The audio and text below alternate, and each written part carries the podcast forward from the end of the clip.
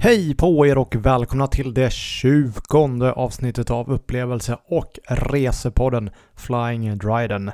Alltså jämnt avsnitt, jubileum. Jag har aldrig kunnat ana det här när jag satte mig bakom mikrofonen inför pilotavsnittet för några månader sedan. Jesus Christ liksom. Så vem är det då som sitter och freakar här bakom mikrofonen? Jo, det är jag, Daniel Rydén, som bland annat ligger bakom bloggen Flying Dryden på dryden.se. Ligger också bakom YouTube-kanalen Flying Dryden och givetvis också Instagram-kontot Dryden. Podden den drog igång eh, kort och gott eh, för att dels ljudsätta några av mina mest populära blogginlägg men också för att lyfta inlägg som inte alls får så mycket kärlek från er läsare där ute. Kanske är det så då att ni hellre lyssnar på dem, inte vet jag, men det är väl värt ett försök tänker jag. Med andra ord, kodifierade blogginlägg. I veckans avsnitt ska vi bekanta oss lite med en av de mest populära vandringslederna i hela Sverige. Och nej, jag menar inte Drottninggatan i Stockholm eller Möllevången i Malmö eller vad det heter. Och inte ens Kebnekaise eller Treriksröset. Nej, nej, nej. Vi ska ut på Jämtlandstriangeln. Några mil bortanför Åre, där man vid vägsänden når Storulvån fjällstation, börjar Jämtlandstriangeln som löper till Sylarna, Blåhammaren och sen tillbaka till Storulvån. Och det normala är att man vandrar den här leden på tre dagar och övernattar på respektive fjällstation. Men just vandringen överlåter jag till andra, i alla fall i det här avsnittet. Det här kommer istället att bli en löptur på hela leden som då totalt är 47 kilometer och jag har gjort den på två dagar. Så jag rekommenderar er att lyssna vidare så får ni hela upplevelsen plus några dos and don'ts som jag själv noterade längs vägen. Vad är då Jämtlandstriangeln? Jo, det är en vandringsled som börjar och slutar vid Storulvån fjällstation, 6 mil sydväst om Åre och i de västra delarna av Jämtlandsfjällen. Totalt är den alltså 47 km lång och normalt vandrar man den här triangeln på tre dagar och sover en natt på Sylarna och en natt på Blåhammaren. Och man kan naturligtvis gå åt andra hållet också om man vill vara sån. Alla de här tre fjällstationerna som mer liknar hotell har de faciliteter som man kan tänkas behöva, vilket bidrar till ledens popularitet. Det märks också på leden i sig som mer eller mindre är rena motorvägen rakt ut i fjällvärlden. Och just den aspekten underlättar faktiskt när man ska springa. Boendet på de här fjällstationerna bokas på Svenska Turistföreningen och det finns allt från större sovsalar till tvåbäddsrum beroende på station. Springer man långt så vill man ju gärna göra det med lätt packning. Och jag lyxade till då och bokade då därför en sovplats och middag på Sylarna fjällstation. På den här stationen går det också att köpa fika, vandringsmat och andra förnödenheter. Och där finns även torkrum, vilket är perfekt för blöta kläder och skor. Dels så att man kan återanvända löparkläder under andra dagens etapper, men också för att torra plagg väger mindre än blöta. Så vad hade jag då med mig i ryggsäcken under de här två dagarna? Jo, i tur och oordning. Först och främst en Camelback eh, vätskesystem med en och en halv liter vatten och tips är att fylla på den. Jag hade två mackor med mig och fyra energibars. Jag hade regnkläder, både jacka och byxor. Jag hade extra underkläder, två par strumpor och extra kallingar. Jag hade extra löparkläder med mig för dag två och då handlar det om mössa, funktionströja, långärmad tröja och ett par fodrade löpartights. Jag hade en liten handduk med mig och jag hade en ren tischa för kvällens middag. Jag hade reslakan och uppblåsbar kudde. Jag hade mobilladdare och powerbank och jag hade mobiltelefon och betalkort. Allt som allt vägde ryggsäcken 6 kilo när jag lämnade Storulvån fjällstation och det är faktiskt ganska mycket att springa med så det går säkert banta ner även den. Så, dag ett tog jag mig från Storulvån till Sylarna och det här är en sträcka på 16 km om man börjar på 725 meter över havet och slutför på 1045 meter över havet som Sylarna fjällstation ligger på. Leden börjar vid eh, Storulvån fjällstation och inleder med bron över Storulvån. Efter ungefär en kilometer har man gjort 100 höjdmeter och här delar leden på sig. Och det är dags att välja om man ska till Sylarna först eller till Blåhammaren först. Och jag ska ju springa Jämtlandstriangeln medsols, så jag drar därför mot Sylarna. Efter 8 km av ganska enkel löpning når man raststugan Spoime med nödtelefon och även wifi faktiskt. Och vid knappt 12 km så når man en liten höjd och här breder hela Sylmassivet ut sig. Långt där borta skymtar man också Sylarna fjällstation. Men här följer också en kilometerlång nedförsbacke och ett tapp på runt 70 höjdmeter. Den sista biten upp till stationen är ganska stenig och teknisk och seg framförallt och det är 3 km konstant motlut. Den här dagen som jag sprang i september var det bitande motvind och det var verkligen en fin känsla att äntligen få komma inomhus och få checka in på fjällstationen. Och det tog mig ungefär två timmar att springa från Storulvån i ett härligt, mysigt tempo. På det stora hela är det en ganska enkel löpning på vältrampad stig och så länge det är säsong är det gott om folk ute på fjället också. Jag sprang om både vandrare och mountainbike-turister. Ett tips är också att lyfta ordentligt på fötterna. Då slipper man snubbla och rulla ett varv med ett jack i örat som följd. På kvällen på Sylarna så tog jag en härlig middag. Eh, det är verkligen bra mat här, en skön miljö att bara kunna slappa i.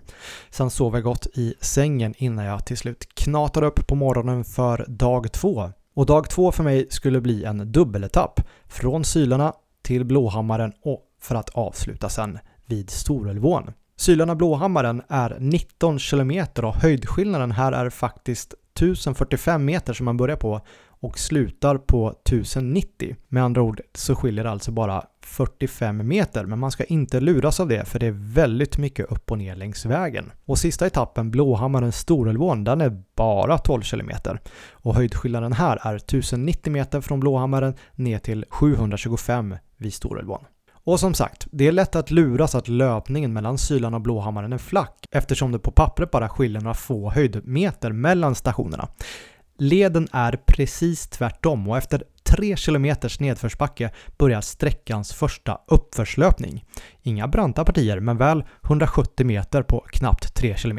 Vid 7 km börjar återigen ett långt parti med utförslöpning som varar i nästan 6 km. Vid knappt en mil kommer man till rastplatsen Enkärlen. Och om man känner sig trasig här så går det härifrån då att gena direkt till Storulvån och då har man bara 10 km dit. Vid 12 km har man nått botten och sista 7 km upp till Blåhammaren så har man 250 meter att göra. Och här börjar det suga rejält i mina ben. Lägg där på stundtals regn och snö, lerig och sölig led och att jag fick dra på mig regnkläderna och springa i de här. Då. Som ni hörde är inte optimalt. Man svettas inifrån och det regnar utifrån. Det betyder att man är i princip helt genomblöt hur man än bär sig åt. Men regnkläderna bidrar ju också till att hålla vinden utanför, vilket är en stor fördel. Blåhammaren ser man först när det är en knapp kilometer kvar och väl framme så tog jag här en halvtimmes paus för att tugga lite energibar och dricka lite varm saft. Så, sista etappen mot Storulvån och då är det bara 12 kilometer kvar och de tre närmaste kilometrarna är faktiskt ganska flacka. Sen följer ett rejält tapp i höjdmeter hela vägen ner till Ulvåtjärns raststuga och på de här tre kilometerna så tappar man nästan 250 meter. Och det kan vara värt att tänka på om man springer åt motsatt håll för då ska ju de här göras upp istället. Sista halvmilen mot Storulvån är flack och merparten är faktiskt motorvägslöpning även om det kommer lite stenar och spänger emellanåt. Med knappt två kilometer kvar så ser man äntligen Storulvån fjällstation och med drygt en kilometer kvar så möter man upp leden från Sylarna, ni vet, det som jag pratade om förut att den delar på sig. Upploppet in mot Storulvån var fantastiskt skönt och efter nästan fem mils fjälllöpning så sprang jag äntligen i mål. Då hade jag dessutom under sista biten dragit på mig kramp i flera muskler och jag var helt färdig som artist. Totalt tog andra dagens två etapper drygt fem timmar inklusive halvtimmestoppet på Blåhammaren som jag pratade om. Och dagen blev blöt, den blev slitig och den var väldigt, väldigt jobbig. Så väl på Storulvån så unnar jag mig en lång och värmande dusch och kanske var det här årets skönaste. Jag försökte också stretcha ut mina muskler en aning men det slutade med mest nya kramper. Sen fick jag äntligen på mig rena och torra kläder följt av en riktigt bra lunch i restaurangen. Senaste gången jag var så här trött och tom på energi måste ha varit efter bestigningen av Kebnekaise och efter Keb så är nog fan det här något av det jobbigaste jag gjort faktiskt. Och då inkluderar jag både maratonlopp och halvmaror och Lidingö och andra vandringar och sådär. Att springa 47 km på två dagar, det är ju en sak. Att springa 47 km i fjällen på två dagar är en helt annan. Allra helst med allt väder som jag fick längs de här sträckorna. Så, dos and don'ts. Vad tar jag med mig från den här löpningen till nästa gång jag ska göra det här? För det kommer bli fler gånger jag fjälllöper naturligtvis. För egen del så lyckades jag planera löpturen bra och allt i ryggsäcken användes och jag saknade aldrig något längs vägen. Men man lär sig ändå något nytt. Så här kommer några punkter med vad jag tar med mig. Först och främst så ska jag springa tidigare på säsongen nästa gång. Det här var i september och det innebär såklart massa väder och det hade redan börjat bli en del snö på fjälltopparna. Och jag fick ju som sagt både hagel, snö, regn och semistorm längs vägen. Nästa gång ska jag också springa i terrängskor. Det är bättre grepp, de är vattentåliga och framförallt har de en något hårdare sula än mina vanliga löparskor. Och det gör att du inte känner alla vassa stenar, plus att de borde vara lite mer slitstarka. Jag sprang i mina vanliga Nike Air-skor och det gör jag inte nästa gång. Sen gäller det också att fylla på vätska och jag tyckte inte att jag hade druckit så mycket dag ett och jag tänkte att jag kanske klarar mig till Blåhammaren på dag två. Halvvägs till Blåhammaren så tog vattnet i vätskesystemet slut, ett riktigt rookie mistake. Nu finns det ju förvisso fjällbäckar att dricka ur men det är ju alltid en god idé att påbörja löpturen påfylld. En annan bra grej att ha med sig är en bra ryggsäck. Den ska ju sitta bra, den ska ha stöd för vätskesystem och självklart ha regnskydd. Jag sprang med en Osprey Highlight 18 med 6 kilo på ryggen. Och det låter kanske inte så mycket, men tänk på att väskan ska skumpa runt på ryggen i två dagar och 5 mil. Och såklart, vind och vattentåliga kläder ska man givetvis ha med sig på kalfjället, för där ute finns det få platser med lä och det kan friska i riktigt ordentligt. Ja, plus alla ombytliga väder då såklart, som hör fjällen till. Så vind och vattentåliga kläder. Och såklart ska man äta. Jag kan verkligen rekommendera att boka upp dig på en middag på fjällstationen och göra ett ordentligt tag med det här. Ha även med lite extra tilltugg i ryggsäcken. Det kan röra sig om en liten enkel macka, en energibar eller ett litet paket med russin. Och sist ut, ta med skräpet hem. Vi har läst tillräckligt om fåntrattar som skräpar ner längs fjälllederna, så gör dig själv och naturen en tjänst. Det du tar med dig ut tar du också med dig hem. Så den sista funderingen då, går det att springa Jämtlandstriangeln på en dag? Och det är klart det går. Det kräver både tid och energi och mina förslag är i så fall att göra det dels på sommaren när dagarna är längre och det knappt mörknar, plus att göra ett stopp och äta ordentligt åtminstone på någon av fjällstationerna. Alternativt om man har med sig eget tilltugg längs vägen. Sen är det kanske inte just på de här sträckorna som man ska satsa på personbästa rent tidsmässigt heller. Och jag har såklart fått frågan om jag kan tänka mig att springa Jämtlandstriangeln igen och absolut ja. Nu vet jag vad det handlar om och kanske tar jag den åt andra hållet då nästa gång för att se vad som är jobbigast. Så där då, jag hoppas att ni har blivit lite inspirerade av den här crazy men roliga och eh, fina idén oavsett om ni har gjort triangeln förut, aldrig satt er fot i Jämtland eller behöver en ny utmaning i löparskorna.